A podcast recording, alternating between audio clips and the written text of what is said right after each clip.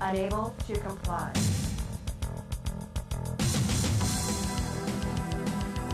Unit under attack. Auto shutdown. Sequence in progress.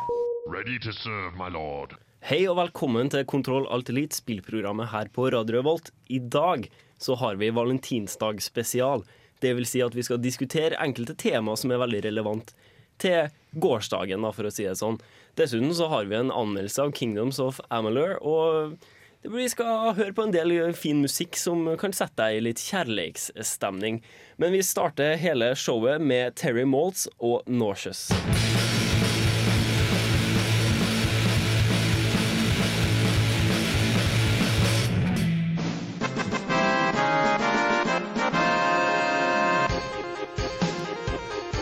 Passer veldig bra å høre Final Fantasy Victory Team her nå, for at eh, den timen her blir full of win. Nei, hei og velkommen til Kontroll Alt Elite. Jeg heter Hallgeir Buhaug, og med meg i studio så har jeg Erik Vibe, God dag, god dag. Bård Ræstad, Hallois. Are Fjørtoft og Tor Larsen Sekse. God dag igjen. Og eh, vi må jo kjøre i gang med sedvanlig eh, spill... eh, Hva har vi spilt-runde her? Vi kan eh, starte med deg, da, Erik. Hva har du spilt for noe? Jo, jeg har eh, fortsatt med Final Fantasy 13-2, og um, har kosa meg med det, egentlig. Eh, Langt, stort spill med masse, masse, masse å gjøre. Det var Et godt tegn da, at du faktisk eh, fortsetter å spille uka etter å ha anmeldt det. Så. Ja, nei, jeg ble godt fornøyd med det, egentlig. Eh, Det er ikke Historien gir noe greip i forhold til 13, eh, og karakterene blir bedre, eh, er vel eh, hovedkonsensusen. Fint, fint. Bård? Jeg holder på å spille Katava Suhuju, tror jeg uttales, som er det erotiske datingsimspillet med handikappa jenter laga av 4chan. Så yeah. ja. Og det skal jeg ta og anmelde i løpet av sendinga, så det er bare å følge med dersom du lurer på hvordan det i helvete er. Are?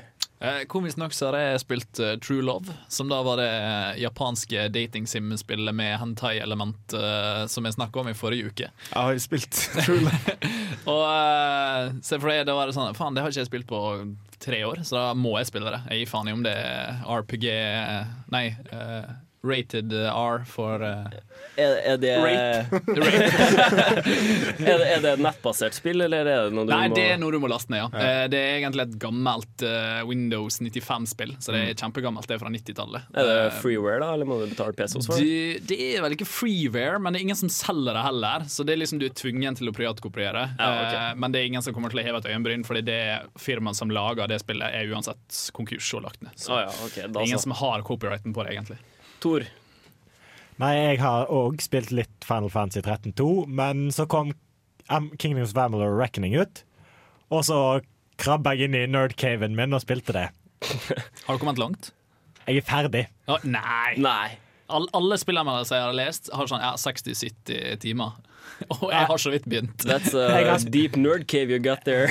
Jeg, jeg har spilt 30 timer, jeg har kommet gjennom mainstoryen. Nå har jeg skippa masse sidequests, så jeg kommer nok til å gå tilbake og gjøre litt flere faction quests og litt sånne ting. Ja, men 30 Men- timer er jo bra.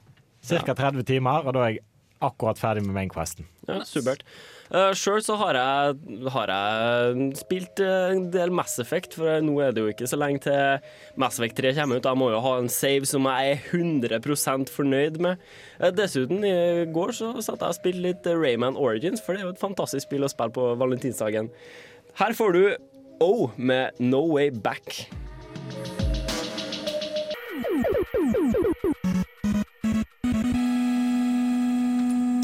Der var vi tilbake.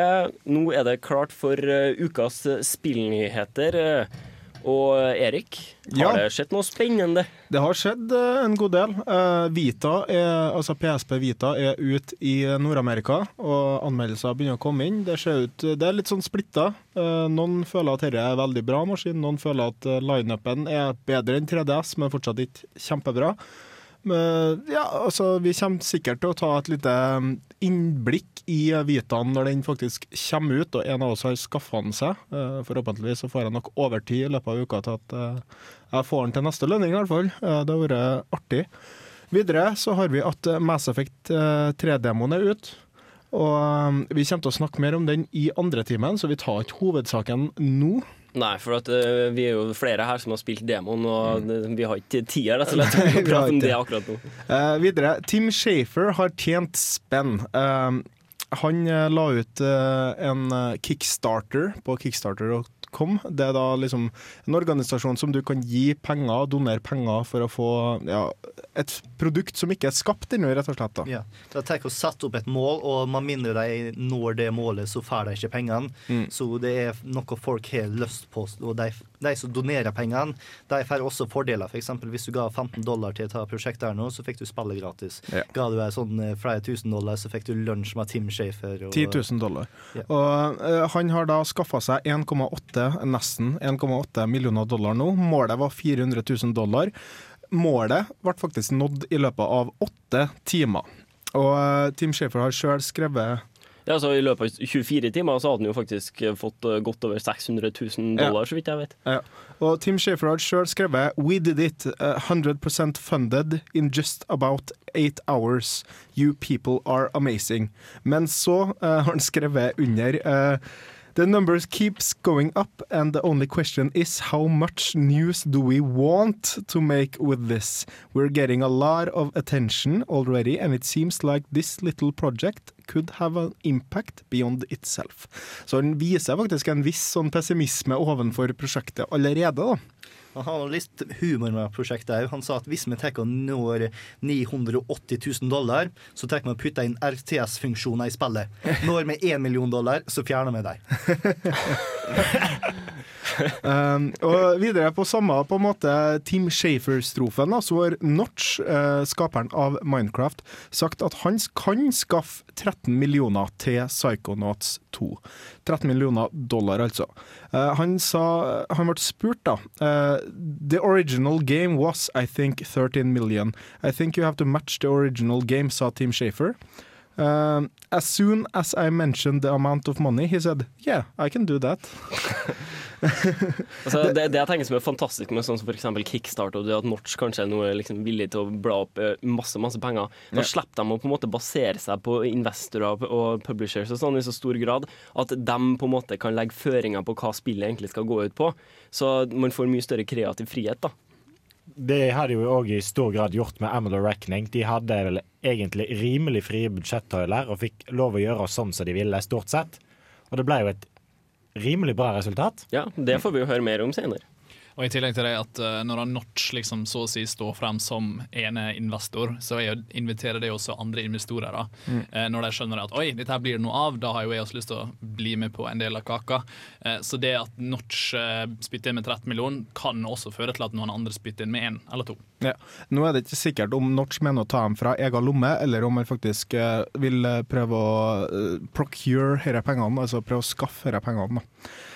Og eh, til slutt, eh, eller nesten til slutt, eh, vi har selvfølgelig en viss plass i hjertet vårt for Skyrim, og Gama Sutra eh, har sagt det at i løpet av ei uke, når Steam la ut eh, det der nye mod-greia si på Steam, ja, så har to millioner mods blitt lasta ned. Og det er over 2500 gratise mods som eh, er uploada. Og dette siden f- 7. februar, så mod-communityen tar seg opp. Helt til slutt, dette er artig. Herren så dere kanskje ikke, men eh, det årelange spillet Duke Nukem Forever er forsinka i Japan. Eh, Fra 8. mars til 29. mars. Å, herregud, at de i hele tatt gidder å gi ut det. Her får vi Ceremony med Hysteria.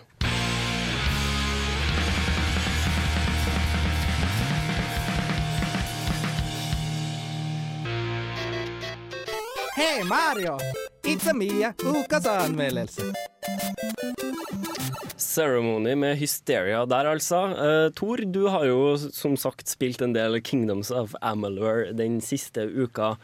Uh, og nå skal, det jo, nå skal vi få høre anmeldelsen av det. Er det noe du vil si før vi hører på den?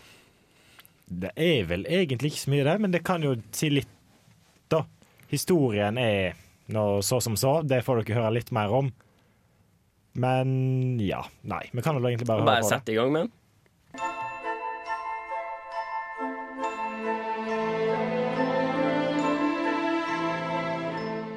Det er alltid fint med et friskt pust i RPG-verden, og Kingdoms of Amalur Reckoning er så absolutt et friskt pust. Det er et av de aller beste kampsystemene jeg noen gang har sett i en RPG, og historien er temmelig bra, den òg.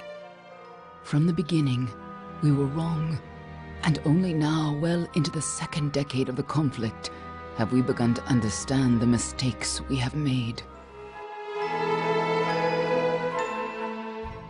Den grafiske stilen i Amalur Reckoning er særegen. Spillet går vekk fra det brune og kjedelige som vi har sett så mye av i det siste, og har en mer fargerik vær enn vanlig. Det er ikke like fint å se på som f.eks. Skyrim, men den lettere stilen gjør at det kjører mye lettere og har mange færre problem.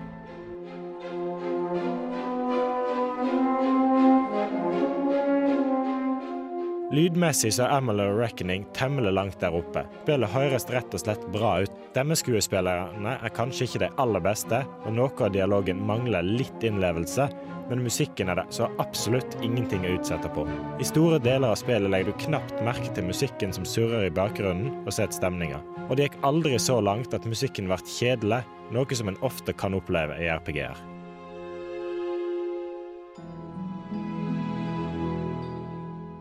Men det er når det kommer til gameplay at Kingdoms of Amalur Reckoning virkelig skinner. Både kamp og crafting-system er flott laga og gjør at du lett kan legge mange timer inn i spillet. Når du er i kamp, så føles det naturlig å bruke to våpen, skjold og magi. Og en har alltid våpen nummer to klart med et enkelt tastetrykk. Det er så absolutt noe alle RPG-utviklere burde stjele. For det er veldig forfriskende å kunne bytte mellom to våpen uten å måtte gå inn i en helsikes meny. Perhaps we should have foreseen what might be born on this rising tide. What force might awaken.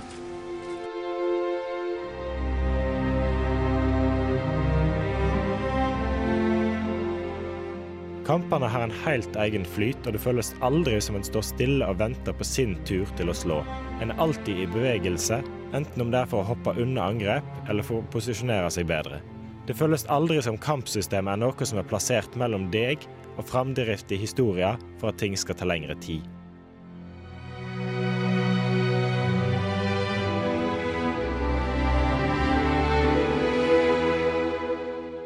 Historien er langt fra den beste jeg har vært borti. Når du er død, står opp for de døde, henger med en haug gnomer og den eneste i verden uten en fastsatt skjebne.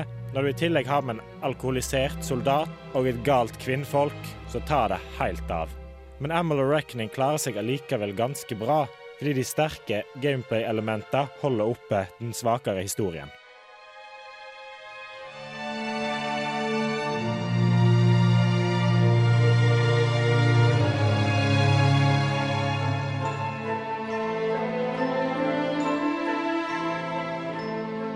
Kingdoms of Amalur er ikke blant de lengste RPG-ene der ute, men du kan fort regne med å bruke bortimot 30 timer på spillet dersom du tar deg tid til å utforske litt i tillegg til å gå gjennom hovedhistoria.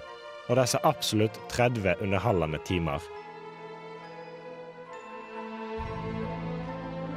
Karakter 9.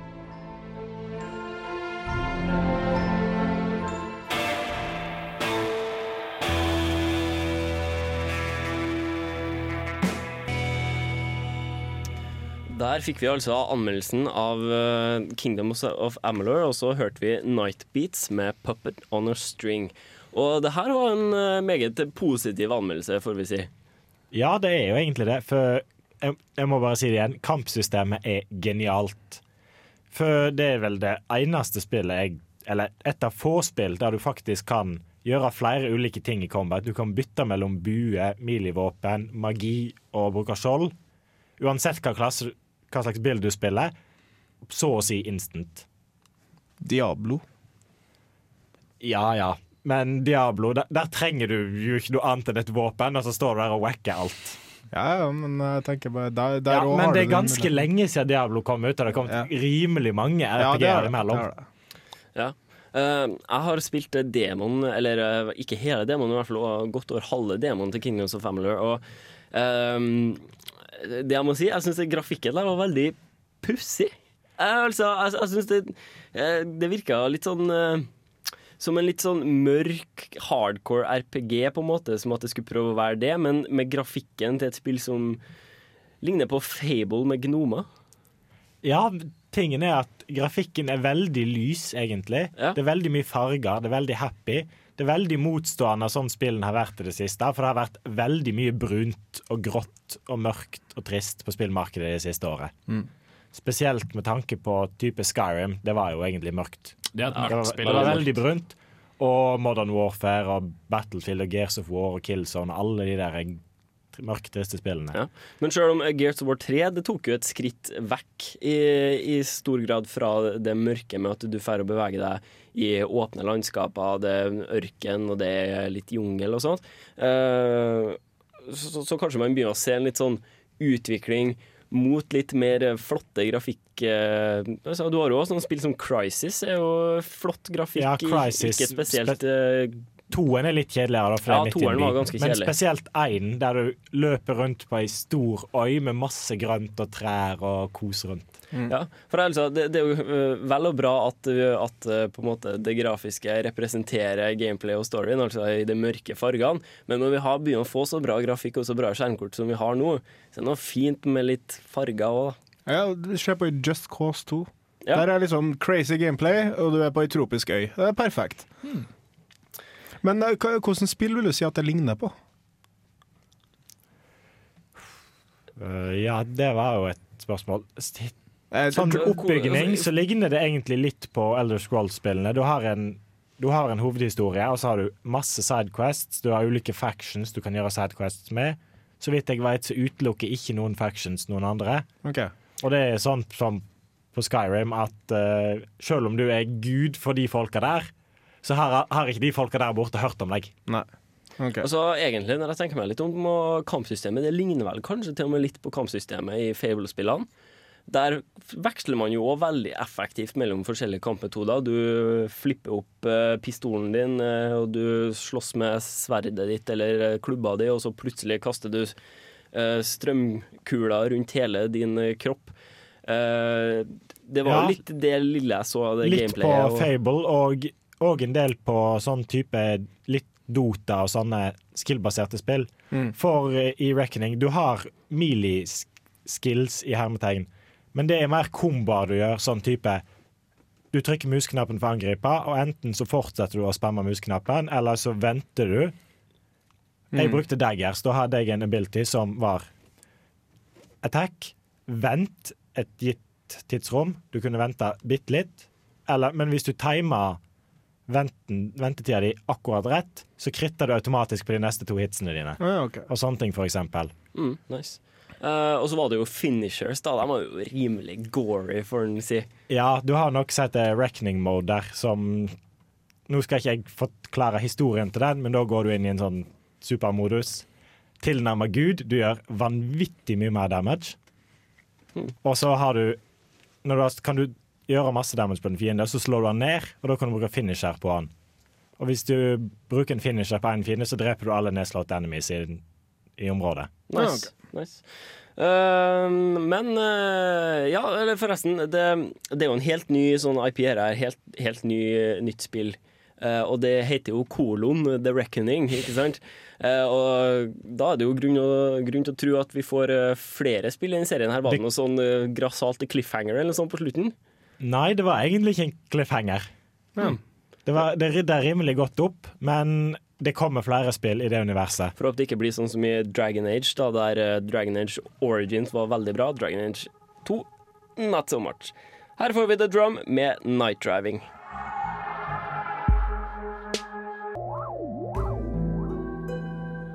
Welcome.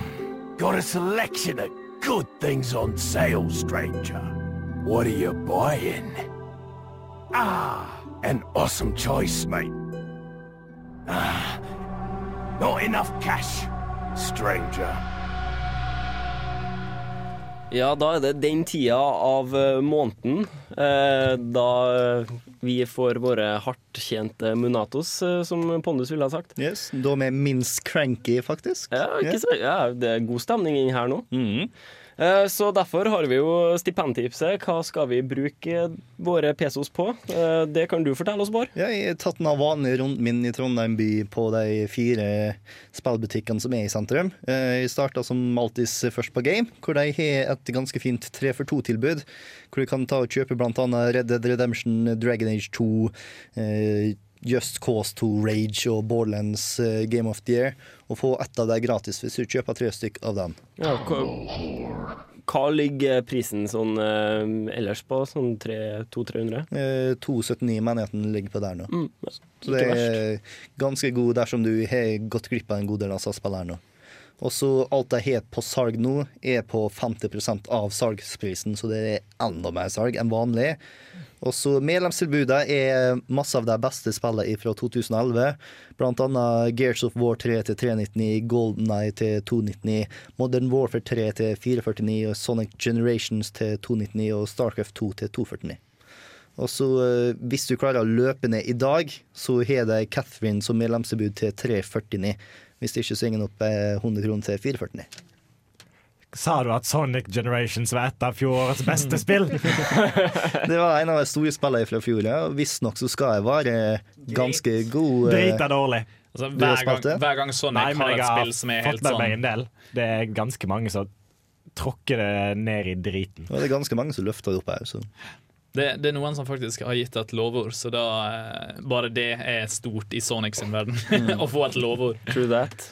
Og så tenker vi å hoppe over til platekompaniet, hvor det er veldig hyggelig å være PlayStation 3 her. For de har en salg på forskjellige PlayStation 3-spill. F.eks. Crisis 2 for 199, Battlefield 3 til 349, Resistance 3 til 349 og Rayman Origins til 299. Holy shit. Rayman Origins, I can vouch for that. Mm. Konge. Og UFC Undisputed 3 kommer ut på fredagen, og da får du den til kompispris 449 kroner der nå. På Spaceworld så har de noe du vanligvis ikke finner i norske butikker, og det er Razer Onsa-kontrolleren til 360. Den er en veldig sexy kontroller som vi skal ta og slenge ut på Facebook nå straks, som har masse bedre D-pad, veldig erogemisk holdning. Eh, Den har to knapper så du kan ta og programmere sjøl og alt mulig rart. Den koster 599, og så har du Tournament Edition, som koster 100 kroner mer, hvor du kan ta og stille inn eh, hvor eh, resistance på analogstikkene og alt mulig rart. Så hvis du vil ha skikkelig eh, spillkontroller til enten 360 eller PC-en, så har du et godt valg der nå. Jeg regner du mente ergonomisk. Ergonomisk, hva er i seg? Erogen. Jo vel. Det er muligheter her nå. Den har rumble function i seg. For et ekte gamer så er det der lett litt erogensk. Det skal jeg være enig i. Og så eh, skal vi se Space World. Der eh, bør du ta og sjekke ut dersom du har en 3DS. Er du lei av 3DS-en din, så kan du ta og plukke opp eh, Vitaen for eh, 699 kroner. Elsker du 3DS-en din, så kan du kjøpe to spill på 3DS-en og spare 100 kroner. Nå sa du Spaceworld, men du mener vel GameStop? Jeg mener selvfølgelig GameStop. i... eh, tenkte så masse på den ergonomiske kontrolleren min at eh, ja, jeg blir ør i hodet. og så har jeg noen fine pakketilbud. Blant annet så kan du få Red Dead Redemption og LA Noir brukt sammen til 299. Så hvis du har gått glipp av de to gullkornene der nå, så be on the lookout. Eh, og så PlayStation Network så tok en Tor fram og sa at det var litt av hvert. Sier at eh, Grand Theft Auto 4 er til å laste ned til eh, 20 dollar. Eh, Fant du noe annet bra der, da? Ja, PlayStation eh, pluss eh, subscribers får jeg Far Cry 2 gratis, og i tillegg så er det tilbud på Far Cry 2 og diverse DLC for alle andre. Og så til slutt så vil jeg ta og tipse folk om at nå så er ram veldig billig. Jeg tok og fordobla rammen min her om dagen. Jeg gikk fra 4 gigabyte til 8 gigabyte og betalte 200 kroner for det. Så dersom du har en litt treg PC, det skal ikke så masse til for å ta og gjøre den bedre enn den er nå. Is that all, stranger? Come back any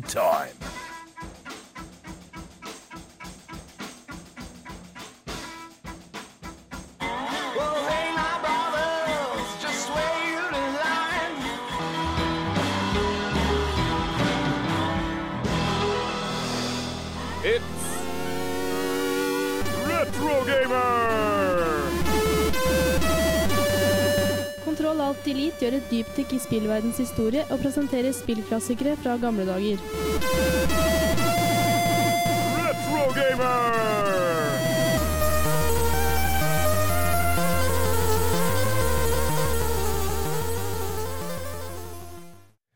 Der fikk vi en låt fra Woodland som het eh, The Devil On Your Shoulder, og nå skal vi få en eh, liten sak fra en eh, gammel nerd.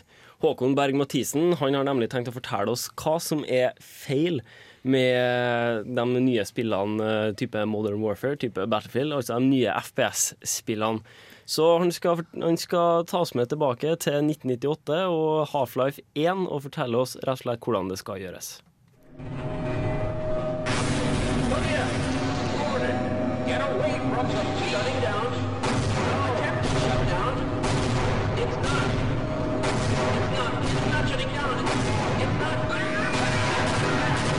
Dette er lyden av Half-Life, verdens beste dataspill. Half-Life kom ut i 1998, da internett fortsatt sa og ikke Half-Life har nå solgt rundt 10 millioner kopier, og spillet er opphavet til bl.a. Counter-Strike, bla, bla, bla. Sjekk det på Wikipedia. Half-Life har alt jeg ønsker meg av et førstepersons skyttespill. En kul hovedperson, ei fet historie og fullt av action. Men Half-Life lar meg også tenke sjøl, og det tør å være slow når det trengs. Spillet åpner f.eks. med en over fem minutter lang togtur. Ingen våpen, ingen andre karakterer rundt deg. Bare deg, et tog og ei rå underjordisk forskningsbase som får det til å krible i nysgjerrigheten. Sector C test labs and control facilities. I Half-Life spiller du den 27 år gamle Gordon Freeman. Du har en doktorgrad i teoretisk fysikk og jobber som forskningsassistent i et hemmelig underjordisk laboratorium i New Mexico, USA. Thank you, and have a safe and productive day. Eksperimentet du jobber på, går åt skogen, og da åpnes portaler til en annen dimensjon. Alle slags tenkelige og utenkelige skumle og noen litt rare romvesener, ja, jeg snakker om dere Houndice og Bullsquids, kommer strømmende til jorda. Det første våpenet du plukker opp i Half-Life, er et brekkjern. Etter hvert plukker du opp stadig heftigere våpen, men det er dette brekkjernet som blir det viktigste redskapet i kampen for å overleve. Freeman er den unge, kreative og smarte fyren som når det trengs også er dritrå. Freeman er MacGyver med våpen, og brekkjernet er Freemans lommekniv. Drivkrafta i Half-Life er enkelt og greit at du vil komme deg opp fra under bakken og ut i trygghet. Og underveis så må det drepes en del. Men det nydelige med Half-Life er ikke all skytinga. I dette spillet blir på en måte skytinga krydder innimellom det som egentlig er spillet. Ei spennende historie som leves av deg, Gordon Freeman.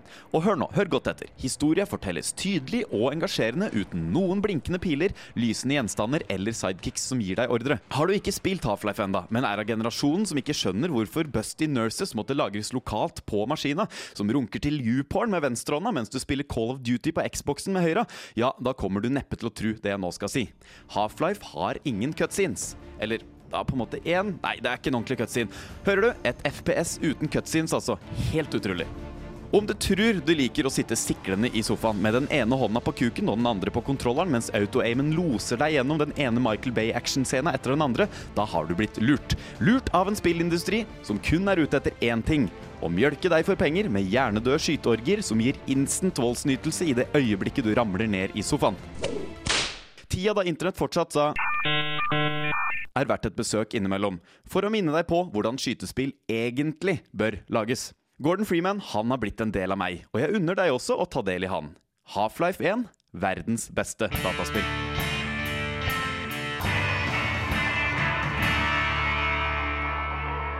How you doing? This is uh, Sahara Drek, uh, StarCraft commentator. I have not talked to a woman in over a decade, and you are listening to Control Alt Delete. Der fikk vi altså Across Tundras med Indian Summer Storm. Så før det så fikk vi en skikkelig, skikkelig rant, rett og slett, eh, fra han godeste Håkon Mathisen. Det, han, han tar oss tilbake, og han eh, forteller hvor skapet skal stå, rett og slett. Han har jo rett. Ja, han har det. I, i, i stor grad så har han det. Det finnes jo flere spill som har gjort det fra den samme æraen som jeg savner, sånn som Deuce X1 uh, var jo også et uh, mesterverk av et spill. Og uh, hvis man kan kalle f.eks. Thief for en FPS, Doom, eh, de, de spillene som ikke trengte noe annet enn eh, altså, altså, Doom hadde noe særlig til historie, akkurat, men eh, jeg syns at Deuce X og Half-Life 1 er spill som er en særegen klasse i at uh, historien blir fortalt uten at du trenger noe sånn bombastiske øyeblikk eller uh, tilsvarende. Altså, Historien blir jo fortalt uh, som man sier, uten en eneste cutscene, men det er også verdt å merke seg det er uten en eneste dialog der hovedpersonen er deltakende. Eh, Det er ganske imponerende. Det er jo dessuten ekstremt få personer du møter som det går an å ha en dialog med, men likevel så er det ingen som liksom lurer på hva var det Half-Life handla om. Til sammenligning så, så har til og med Heroes of Might and Magic har nå cutscenes i sin eh, campaign mode. Mm. Uh, Heroes of Might and Magic 3 hadde ikke noe cutscenes. Det hadde introen, bare. Det hadde intro, that's it. Og så var det gaming som bare fuck eh, som bare, yeah! Det, var det, det er jo fremdeles et av de beste spillene i verden. Det er jo Heroes of Might Magic 3. 3 ja. Definitivt. Eh, men også, Han nevnte jo den lange introsekvensen der du kommer på et tog. Og Det er veldig typisk for de første titlene til Valve. For jeg husker Blueshift har det, uh, og Posing Force de er jo da og expansioner til Half-Life 1. Men også spill som eh, Gunman, det er vel ikke mange her som har prøvd, men det, det var i samme stil og hadde også en sånn lang åpningssekvens. Og så vidt jeg husker, det- det forklarer en del av historien i den åpningssekvensen, men meget, meget, meget lite. Det, det, det virker mer som sånn eh, som liksom sånn nyheter fra der du er, liksom eh, sånn Ja, i dag på stasjon 4B har vi hatt en eh, besøk av en rottweiler. Liksom, Mm. Det er litt mer i den stilen. Den deler masse mer av settinga enn den gjør av plottet. og det gjør at du får masse mer innlevelse i selve spillet enn hvis du blir forklart med Star Wars-tekst rullende over skjermen. Gordon Freeman vitenskapsmann på vei til jobb og alt mulig rart. Yes, yes. Nei, men eh, nå begynner faktisk klokka å nærme seg seks. Eh, vi er, er klar for time to. Nå skal vi ha valentinsdag spesial, så det er bare å holde deg der du er, så lenge du hører på oss på datamaskiner. Her får du Beach Fossils med 'Shallow'.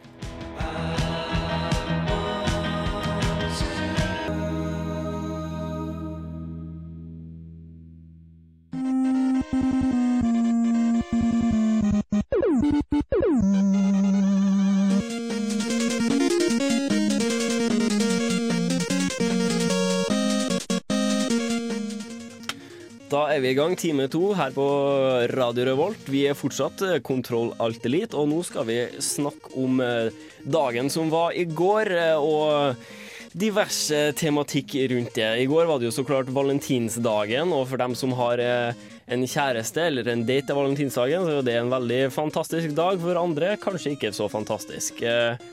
Men hva vet jeg? Jeg har jo vært uten date i veldig mange år, og så syns det er helt greit å sitte og spille data på den dagen òg, jeg. Ja ja, vi starter egentlig hele showet med en eh, anmeldelse her, Bård. Yes, nei, jeg har tatt og spilt den Katara Sujoen min. av Erotisk datingsimulator med handikappa jenter laga av 4chan. Precis, så, altså, det er jo en, eh, et utgangspunkt som eh, høres ganske interessant ut. Ja, Altså, jeg skulle ønske at du hadde åpna med at det var laga av 4chan, Fordi da kunne jeg sagt ah, you had me at. Den er laga av 4chan. Yes. Nei, ta et spill som egentlig har vært ganske lang tid i produksjon. Det var en kar eh, som begynte i starten av 2000-tallet å tenke på denne ideen her om altså karakterene og så der nå. Og så lagde han et par tegninger og delte det i sånn 2007 eller noe sånt på 4chan. Eh, På A og ikke B. Og ikke B. Okay. Ikke B, nei. Eh, Og da var det her, her med folk som flokka seg til og fikk veldig lyst til å ta og hjelpe han med å ta og gjøre noe med tegningene og historien. Og de kom sammen og lagde Four Leaf Studios, som lagde Katawa Sujo. Da setter vi bare i gang og hører på.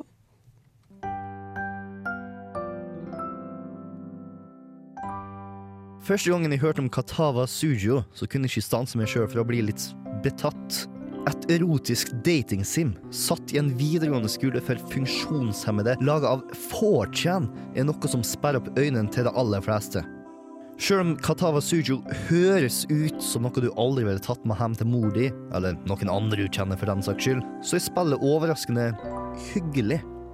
Dette er fordi at det ikke kommer fra B-delen av 4chan. Du vet, den kjent for hacking, hærverk og ballant rasisme. Men i stedet den mer stuerende anime-delen. Derfor så er spillet noe så overraskende som respektfullt for handikappede.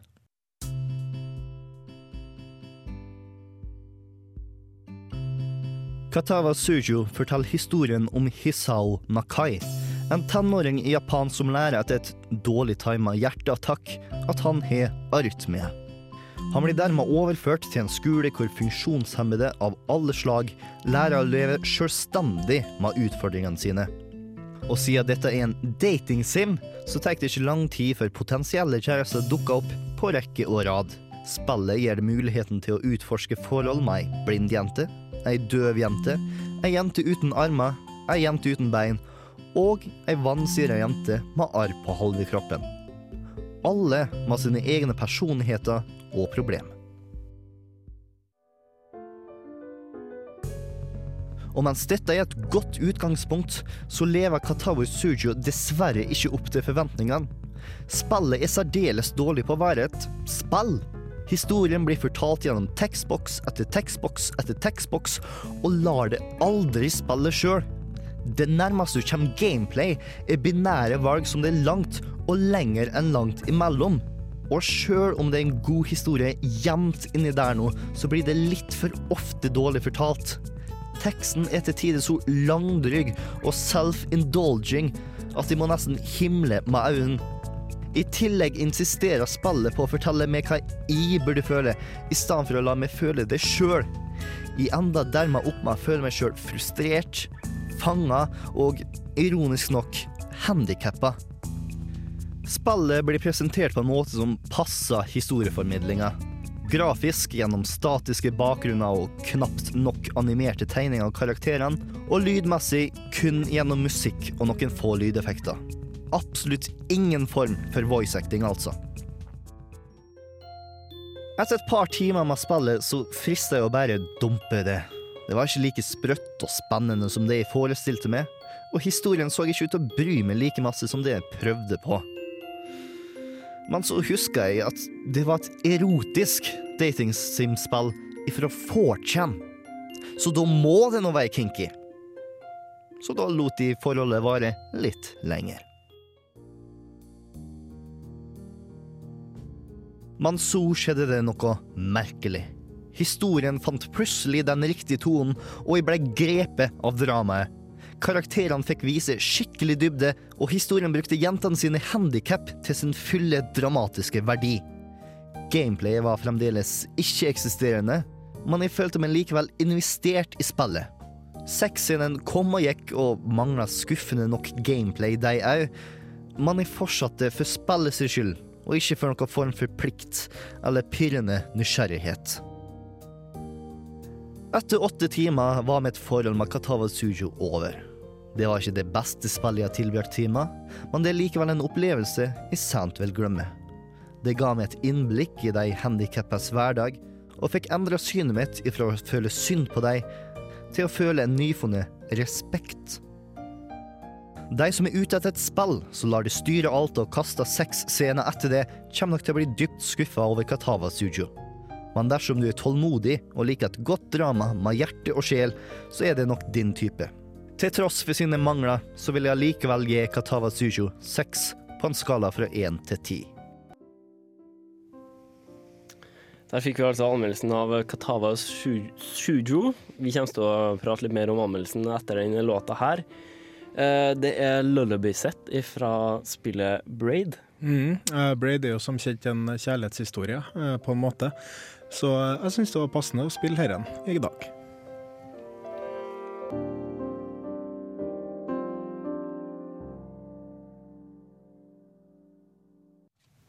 Der fikk vi altså Lullaby Set fra spillet Braid. Eh, og så den anmeldelsen din, Bård, eh, det var veldig interessant. Eh, og jeg bare lurer, hvordan jente var det du endte opp med? på Jeg endte opp med hun uten bein. Vel, sier uten bein. Hun har bein, men de var prostese. Eh, Har du hørt om han Blade Ja, ja, Runner-karen ja. som sprenger og har en hæl med verdensrekorder? Sånn bein har hun, og hun var Så hun mangla Men altså, alle sånne datingsim, du ser jo bare jenter fra livet opp. Så Ja. hun, hun var den, egentlig den som så mest normal ut Ja, på skjerm. egentlig. Jeg, det var egentlig ikke meningen å ende opp med henne, men jeg endte opp med å få hjerteattakk mens jeg sprang Ah. eh, sammen med henne, og da følte hun seg skyldig, og det førte til at plutselig, siden jeg har egentlig bare sånn seks valg som kunne gi meg riktig jente, at jeg endte opp med henne. Men eh, ja, hun var hyggelig lell, skal jeg si det. Hvem hadde du prøvd å ende opp med? Eh, Jeg eh, var nå litt nysgjerrig på hun der nå med massevis av arr på ansiktet, men hun var så beskjeden at det var nesten umulig. Ah, ja. ok, Men altså, det her er jo Jeg vet ikke, det bør nå i hvert fall være selvsvarende. Ja. Selvforklarende. Eh, ble det kinky? Ja, det var ikke så kinky som det jeg skulle tro, altså. Men eh, på et tidspunkt så har du hun jenta uten bein, uten noe bein på i hele tatt, helt naken, med et veldig naughty blikk i øynene og alt som sto på eh, skjermen var anal. og jeg bare satt der nå i fem minutter og bare lo for meg sjøl og bare Ja, dette er 4chan. og eh, da kom det en scene hvor eh, hovedkarakteren og hun uten bein eh, eksperimenterte. Men, men, men hun, Vi lar den henge i lufta, føler jeg. Hun mangla fra, fra knærne og ned. Ja, fra knærne ned, sånn at hun kunne ta og sprenge som vanlig dersom hun har på seg prosesebein. Ja, OK. Mm. Jeg ser for meg at det her det er ikke et spill som det egner seg å spille eh, Kanskje opp med folk, men eh, i hvert fall ikke opp med kjæresten din. Nei, det, det blir bare altfor, altfor kleint. Jeg, jeg føler litt av det type spill Du kan være litt full med et par kompiser, og så prøver dere å få, få alle scenene ut på skjermen. Det funker, helt klart. Det tror jeg hadde vært gøy. Men uh, jeg bare sier in the spirit of Valentine's Day, sånn som i går, så satt jeg og Julia og vi satt og spilte Rayman Origins. Funka veldig bra, vi begynner å bli ganske flinke til og med.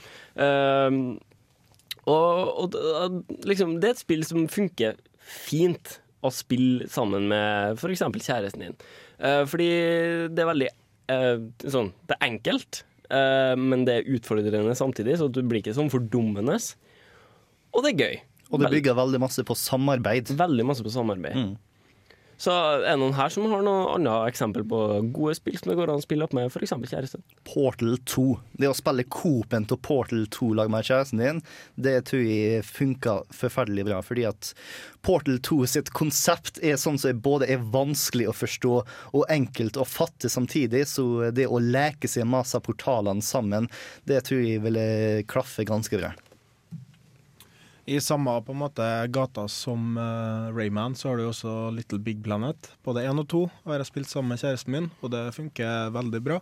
Og selvfølgelig også Kirby Epic Yarn. Uh, ser ut som et spill som man kan spille sammen med kjæresten sin.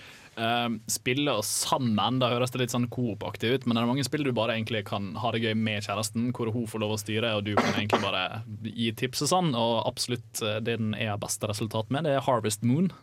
Som eh, er jo et farming-spill hvor du skal sosialisere det og, og gjøre koselige ting og klemme koselige, søte dyr. Så du kan jo ikke slå feil der. Og så har jo selvfølgelig nesten alt av multiplayer Nintendo-spill, men det som kanskje passer seg ekstra bra, er Mario Kart Double Dash fra GameCuben, hvor dere begge to sitter på samme bilen og bytter på tjære og bruker våpen og der nå. Ja, ja. Eh, så tenker jeg New Super Mario Brothers Wii, det kunne funka, men så slo det meg. Hva er det jeg gjør mest når jeg spiller New Super Mario Brothers Wii sammen med noen? Kaste deg utafor et sup? Nettopp. Eller hoppe på ham. Ja, ikke sant? Eller få deg til å hoppe i den boble. Ja, ikke sant? Sørge for at det går gærent med dem. Så jeg vet ikke, kanskje, kanskje det blir litt sånn eh, Noe man kanskje bør prøve å unngå, da. Uh, We Sports-spiller, uh, We Resorts uh, og uh, lignende, altså OSV, OSV, er faktisk veldig gøy, da. Men det, det funkes fleste sosiale settings. Ikke bare med kjæresten din, men eh, det var et spill her jeg skulle dra fra, men vi kan jo ta Tor først. Ja, det, de Wii Sports-spillene funker så lenge du ikke skal holde på mer enn sånn en halvtime, 40 minutter. Da Eh, ha, har det kommet en sånn eh, golf peripheral? Selvfølgelig har det det. For det må jo være det perfekte, for da kan du holde ut ikke sant? Sånn skikkelig sånn filmstyle. Så bare Og så må du follow through. Eller tennis. Nei, nei, nei, du må holde hoftene dine sånn som til her. Ja. Ja, ikke sant? It's in the hips. Åh, det, det her har gjort seg bedre på TV, merker jeg, for nå har vi noen skikkelig fancy bevegelser her i studio. Danser dansen, salsa. Vi mimer. Um, ja, nei, det, nå vil jeg vekk fra den diskusjonen her før det, vi, før det blir for drøyt. Eh, nå skal vi få høre uh, Aries Theme, og det er jo fra Final Fantasy 7. Er det noen som har lyst til å si noe om det her? Det er fra Advent Children-filmen av Final Fantasy 7, så det er litt annerledes enn originalen, men fortsatt så mye at den eh, er original, på en måte.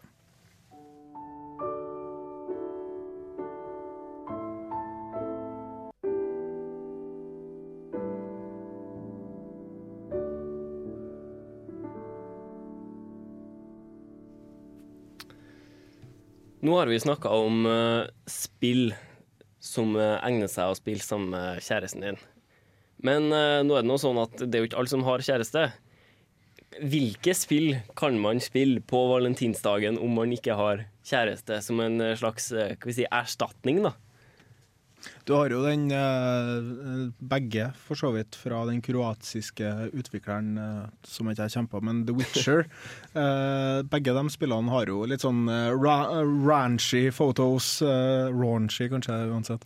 Litt sånn grisebilder av damer, og du får liksom en god del forhold. og Mass Effect òg, for så vidt. Der og har du jo på en måte muligheten til å gå inn i forhold, da. Men uh, hvis du sitter helt alene med bare høyrehånda i, så, så er det kanskje noe annet vi kan spille, Are. Det er True Love, selvsagt. Ja, som er, Love. har spilt uh, med begge hånda på tastaturet. Ja, Takk ja, skal du ha den siste uka. Uh, bare for å gjenleve nostalgi. Så det var nostalgien jeg Ja, gjorde det for, ja. ikke Nei, for at det, andre ting. det, jeg tror at det var Wink, en sånn. LAN-periode hvor Sondre spill florerte. Ja. Jeg hadde også A Bone to Pick With You, eh, selve Bård Restad. Um, du sa at eh, du, du ble ikke engasjert av gameplayet. Men det er hva en datingsim er. Det er wall of text, wall of text, wall of text. Bilde, bilde, bilde, wall of text. Det er liksom sånn det er, dem. Det, det er den formen, på lik linje som en smøpp en smøpp. Så en, en, en japansk datingsim, de er sånn.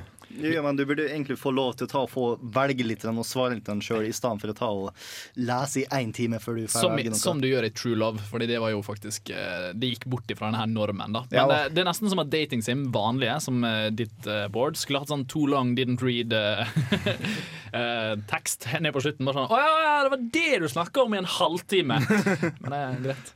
Nei, men det hadde, jo, det hadde jo stats. eh, Du hadde skoleprogresjon. eh, Du hadde enkelte damer som bare var her på Uh, enkelte plasser. Ja, Hun der er popidolet. Fy faen, ass. Hun Ja, er slitt så jævlig med å få tak i henne. Men jeg fikk det til til slutt. Nice. Um, kan, vi, kan vi spille som uh... Grand Theft Auto, forresten. Uh, der kan du få deg kjæreste som du, kan gå, som du kan gå på dates med. Seriøst? Ja, Grand Theft Auto 4. OK. Jeg har aldri spilt Grand Theft Auto-spillene. Har jo Ah, ikke ok. PlayStation. Men altså. Eh, men uh, hva med sånn som eh, The Sims? Der kan du ha veldig masse artig. Det er bra trist, da. Hæ? Det er sånn Forever Alone-spill. Men du har veldig stort utvalg i kvinnfolk der nå. Ja, du kan Ja, det- lage dem sjøl? Du kan lage dem da. Men, Men, jeg vet ikke, Er det noen sånn type sånn boob slider? Sånn go for the double D? Garantert en Eller? mod som fikser det. Ja. Ja. Det, det er det. Altså, det, Det er. Default-messig så er det en boobslider. Da. uh, en nude patch finnes vel også. Og seriously, Oblivion. Det er så mye sykt i Elder Scrolls Oblivion sine mods. Det er helt tullete.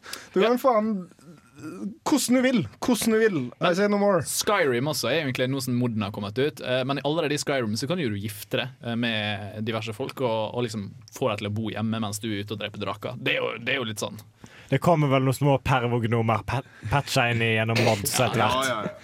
Og så er det synd at Milo ikke tok å komme gjennom, for eh, det kunne vært et uh... Du mener Skynet? Yes, eh, basically Skynet. Milo var et sånt spill til Kinecten, hvor du har en liten guttunge som tok og snakka med deg om absolutt alt. Ja, det Det er sånn, eh. Kan du hjelpe meg med leksene, og jeg liker genseren din og alt sånt der. Når du var en samtalepartner, eh, veldig mer eller mindre. Da er du jo forever alone. Og når vi først er Yes. inne på uh, samtalepartnere, det finnes jo flere sånne bots på en måte som er satt opp. som man kan uh, prate med på internett. Det er jo en sånn test, jeg husker ikke, men det er i hvert fall om å gjøre å få dem til å høres mer eller mindre menneskelig ut når du snakker tilbake med dem. da. Så har du jo nye Siri, det er appen som har blitt så populær det siste. Du kan sikkert prate litt med henne. Altså, det er jo en eh, episode av The Big Bang Theory der eh, han godeste Raj eh, på en måte innleder et forhold med Siri. På en måte. Det var fullt ut av den karen. Men Altså. veldig enveis, da. Yeah. men, eh, men, men, men jeg tror faktisk vi skal høre en liten låt det. Til her har vi Farewell and, Farewell and Tears. Hvilket spill er det fra? Det er fra Valkyria Chronicles på PlayStation 3. Eneren sådan. Eh, også et spill med et veldig godt eh, hovedperson-dameforhold. Eh, kjæresteriet der som utvikler seg gjennom spillet, er bra i forhold til andre spill.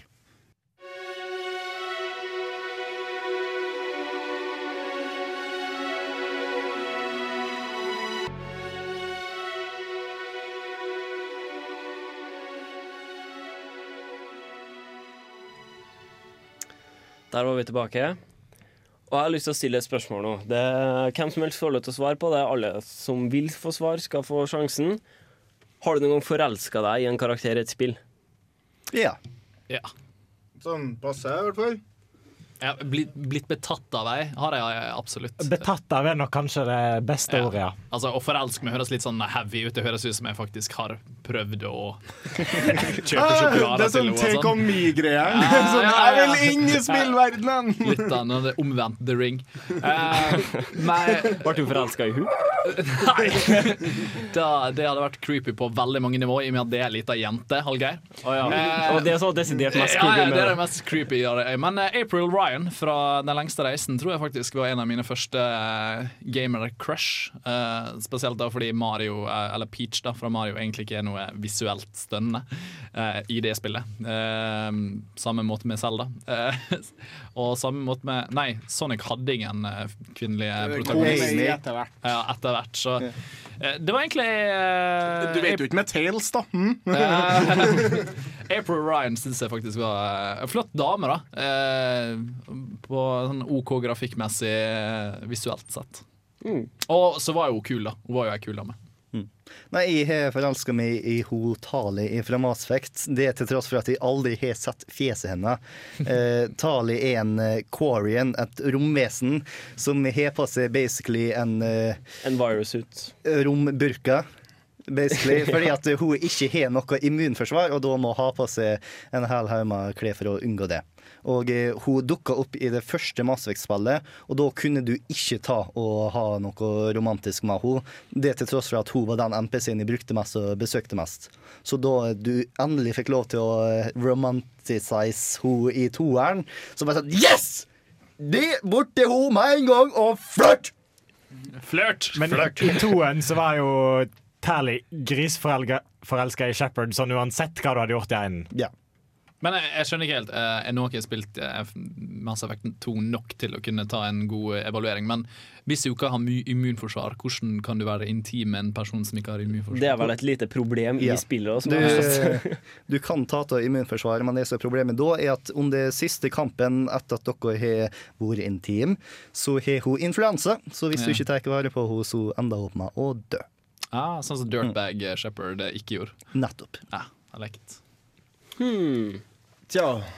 Har du, jeg- har du, tur? har du Ja, en, ok. Erik? Ja. Ja, nei, uh, Utseendemessig så må jeg si at uh, hun dama fra Åh, nå glemmer jeg jo spillet til meg. Uh, Dead or Alive? Nei, nei, nei, springespillet. Springespillet, ho, ho, ho, ho. Eh, parkour. uh, oh, ja, Mirror's Faith- Edge. Mirror's Faith Edge. Edge. Ja, Ja. Hun er, hun er sånn Jeg liker, liker hun. Hva heter hun? Kia? Kio? Faith? Uh, Faith. Eh, Faith, uh, jeg Ja, og så også uh, Nicole fra Broken Sword. Uh, for at det var liksom første ordentlig lange spillet med en uh, sterk kvinnelig hovedperson.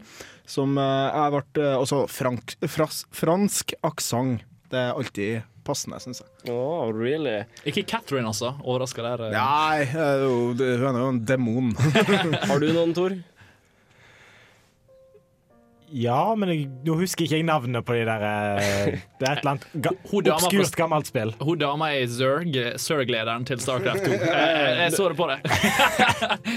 Ja, det er noe galt med det òg nå. Eh, nei, jeg vet ikke hva, jeg må si eh, kanskje Kate Archer fra No One Lives Forever. Uh, fordi hun er bare så sinnssykt kul. Pluss at i en av de første cutscenene så står hun i dusjen og er naken. Det hjelper. Hjelper på.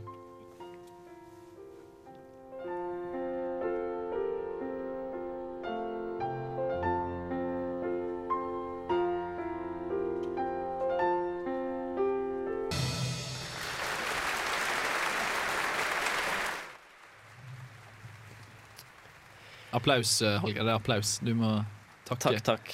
takk. Her fikk vi Chrono Cross fra Play, altså med det tsjekkiske symfoniorkesteret. Det er en sang fra Kronokloss, i hvert fall. Jeg husker ikke helt hvordan. Are som hadde lagt den inn en gang i tida, så jeg, men den Ja. var ikke spilt. Nei, den er, det er Kronokloss. Eh, Det er samme som måte som er Philharmonica, London Philharmonica Orchestra, som har det her game-orkesteralbumet sitt. Det samme har det Det tsjekkiske, ja. tsjekkiske Philharmon- ja, det orkesteret som da har laga sine egne versjoner. Og den også har et veldig bra album, som er gratis på Spotify. Ja, og Kronocross òg. Eh, veldig bra spill. Oppfølgeren til Chrono Trigger eh, på PlayStation 1 eller 2. Eh, der òg veldig bra kjærlighetsfortelling i det spillet. Stemmer. Men eh, nå, sånn, nå skal vi på en måte wrap up den her eh, lille um, kjærlighetsdiskusjonen, skulle jeg til å si. Eh, og, og bare stille et spørsmål. Er spill Er det et bra medium til å formidle kjærlighet og følelser og forhold og alt det der med sukker på? Jeg vil påstå at det er et vanskelig medium å ta og gjennomføre det i. I bøker og filmer og TV-serier og sånn, så har du alt sånn will there or won't they-dramatikken, hvor ene personen plutselig kan være forelska i den andre, og den andre ikke er så interessert. Og så begynner den andre å bli litt mer og mer interessert, og så kommer det en tredje part som interesserer førsteparten, osv. osv. Er jo trekantdrama og alt mulig rart, som gjør at det hele er interessant å se på. Du, får jo, tre- du kan jo få trekantdrama i spill òg, nå når Mass Effect 3 kommer. For du kan jo ha Er det ulike det treeren står for? Det er kanskje det. For du kan jo ha ulike love interest i én og to.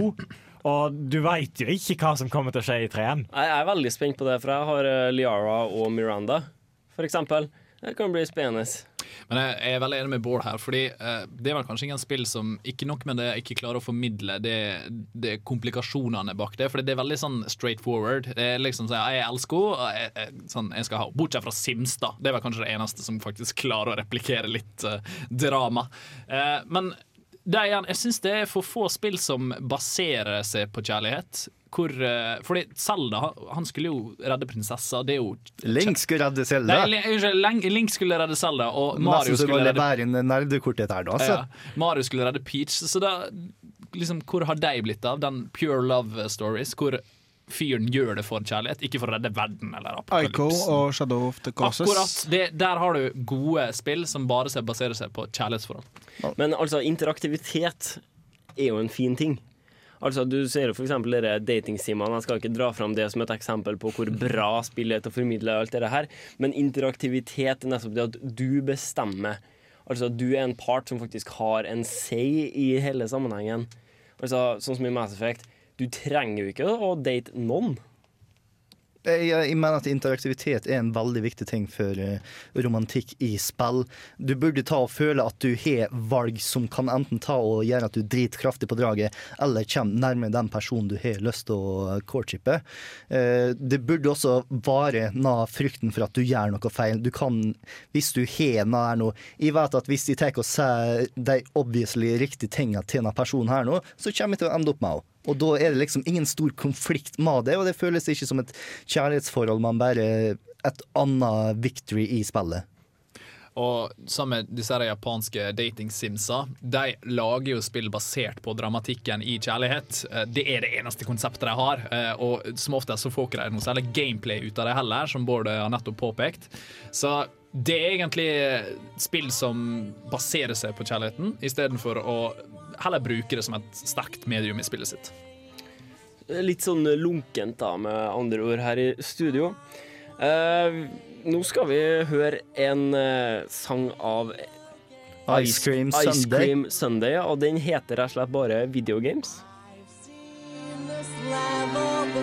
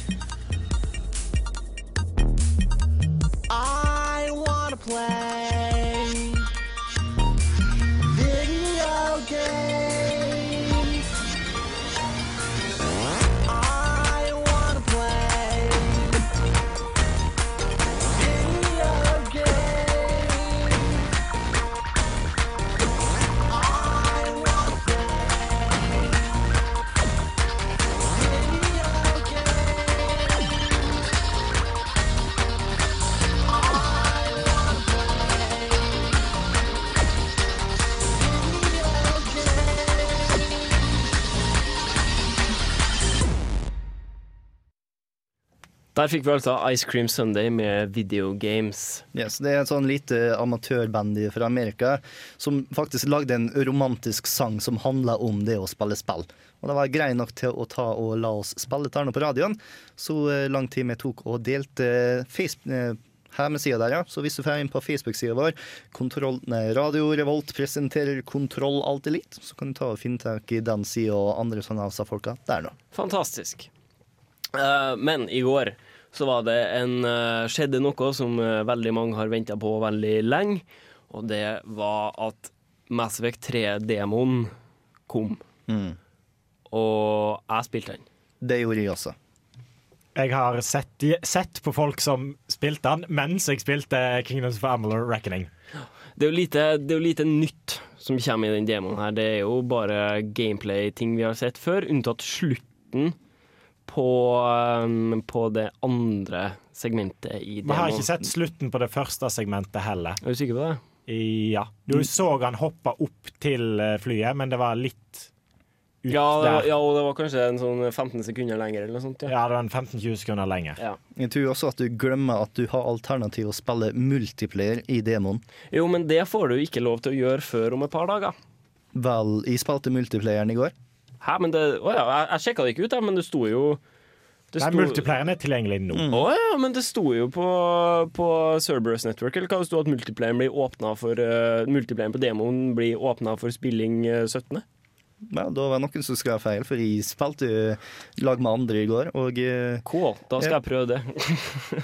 Der eh, I multiplayeren så tar du å velge mellom eh, akkurat samme klassene som du har i eh, singleplayeren, og du tar og leveler opp en karakter akkurat som i singelplayeren. Men greia er at gameplayet, i hvert fall i den banen i spilte, er ganske lik kind er Gears of War eh, heter. Hvor du, Horde mode. Horde mode, ja, hvor du får wave etter wave etter wave med fiender imot det.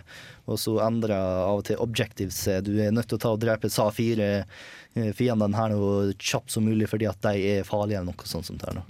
Det er egentlig en klassisk survival multiplayer med litt objective elementer.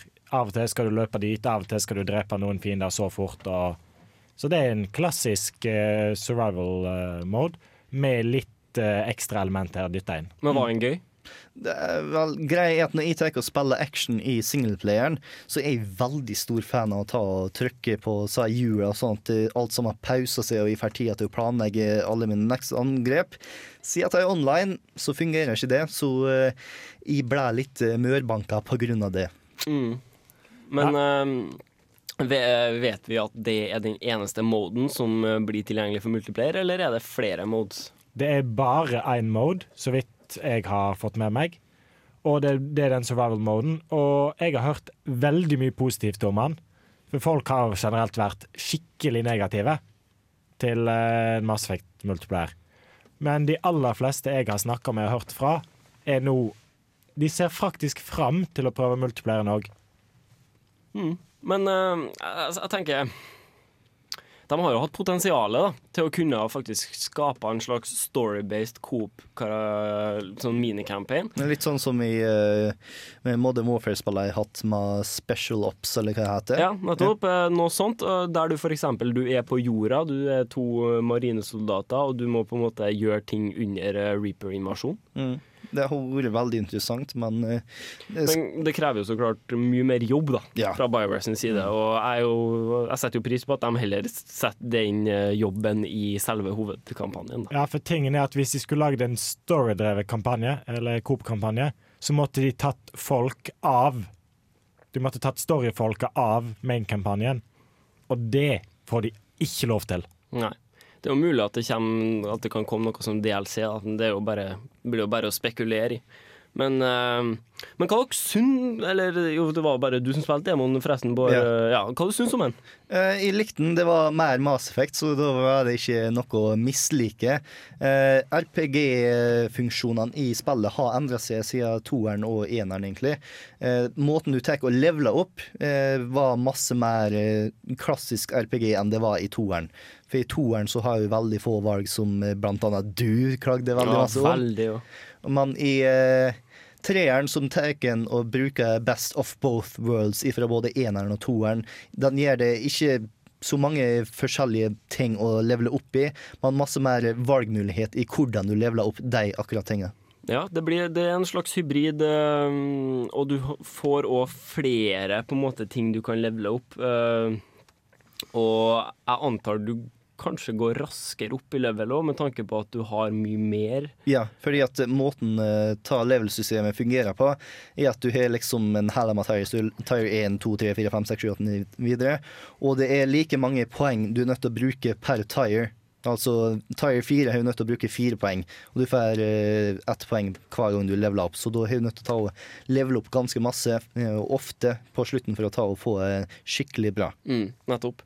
Det er Mass Effect 3, altså. Det kommer ut uh, her i Europa 9. mars, så vidt jeg husker. 6. mars i Ameri. American. Så vi må vente tre dager. Eh, Nei da, jeg kjøpte fra Elkjøp, så det kommer nok en sjette. Ja, du får vel det om en ti, ti dager, noe sånt du fort da. Ja, men eh, vi har òg en konkurranse her på lur. Erik? Det har vi. eh, Og i tråden med kjærleik og valentinsdag og alt det der, så har vi selvfølgelig en konkurranse om eh, hvordan videospillkarakter du kunne tenkt deg å starte et forhold med, sånn i ekte. Og Da kan du jo velge selvfølgelig alt fra Glados til Peach til Mario til Link. Kanskje du liker den eh, stille typen, kanskje du liker dem eh, big and burly som i Gears of War. Altså Det er helt opp til deg. Så vi vil at du skal skrive en mail til nerd at Radio Revolt, hvor du forklarer hvem og hvorfor du ville ha valgt den personen. Og da vinner du? Da vinner du Final Fantasy 13-2 til Xbox 360 Nordic Edition, eh, uten noe brukt av DLC-en som er på den disken. da. Fantastisk. Det takker vi selvfølgelig Spaceworld i Trondheim Torg for. Mm. Og du kan jo faktisk være så at det her er et, eh, Det er et meget bra, spill. Du kommer til å få veldig stor glede av det her spillet, så jeg anbefaler alle sammen til å bli med på den konkurransen. Ja, eh, vi legger jo selvsagt ut eh, det meste vi snakker om eh, her i dag, ut på Facebook. Konkurransen blir delt på Facebook, den òg. Og nett, selvfølgelig. Og nett, så klart. Og eh, du har jo lyst til å ta og sende inn noen andre spørsmål eller tema og sånt til oss, sånn som vi har forrige gang da vi har lesebrev spesial, så er det bare å bruke akkurat samme e-postadresse som vi fikk i stad, nerd.radiorevolt.no. Ellers så finner du oss òg på Twitter og på Steam. Eh, På Twitter er det rr-spill, og på Steam eh, går det vel an å bare søke på Kontroll alt litt, vidt jeg vet. Um, Hvordan, eh, altså Det vi ikke toucha på når det gjelder eh, på en måte kjærlighet i spill hva, eh, altså, Er det noen gode forhold, føler jeg, i spillverdenen som vi burde ta, oss, ta for oss før vi runder av her nå, for at vi har Mario og Peach. ikke sant? Her har vi Mario som alltid, alltid må redde prinsessa, uten at han får noe. I hvert fall ikke noe i canon, for å si det sånn. da. ja. Jeg får- en får nyss på nesen. Ja, og Sammen med Zelda og Link. Eh, Det er Cloud og Aris, eventuelt Tifa. Spørs helt på. Og jeg bare tenker eh, Dette rørte vi ikke nok. Jeg føler Guybers Threepood uh, Ja. Her er en som virkelig må jobbe for penger, men han får virkelig noe tilbake. Ja, han får seg litt uh, kos. Ja, ikke sant? Han får giftermål og hele pakka. Det er altså Jeg syns det er veldig rart at ikke Princess Peach ennå har spurt Mario om å gifte seg med. Men det, kanskje, det sømmer seg kanskje ikke for Aden å gifte seg med italienske rørleggere. Jeg vet ikke. Jeg lurer på om han har fått den kaka i det hele tatt. Liksom. Ja, det, Du har aldri sett den et den kaka? han har bare gått inn i slottet og sagt No, let's go eat cake. Hun Fikk baka en noe jævlig svær kake til Mario Party, som han drar rundt og trasker i. da Ja, ja, sant Nei, det. er sant, sant det. Jeg syns Shadow of the Colossus-kjærlighetsforholdet er veldig, mm. veldig bra der ute. Uten at du faktisk møter dama. Eh, Ja, altså, hun ligger jo der, da. Eh, Men hun er jo kanskje ikke den beste konversasjonspersonen. Ja, da fikk vi faktisk toucha litt innpå det òg. Uh, Kontroll Alt Elite er ferdig for eh, uka her. Nå hører dere Danny Weisner med eh, Player 2 Press Start. Og da sier vi bare adjø, så Adjø. prates vi neste uke. Ha Ha det.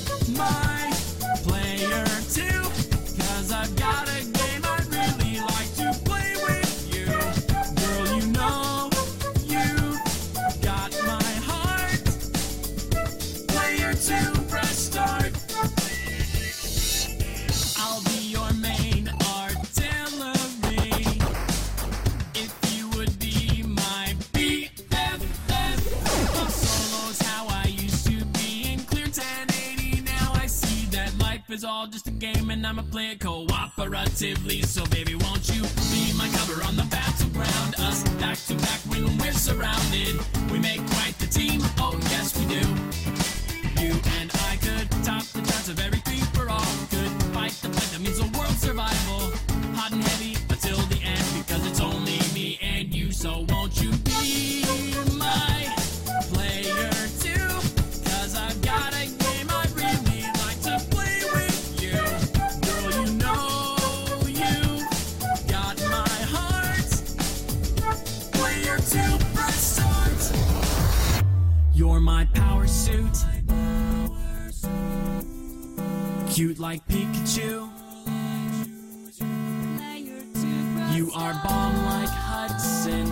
set like Beat. You can choo choo rocket rocket like nobody else I've seen. You're my final fantasy, invincibility, worth more than all the coins in the kingdom of me.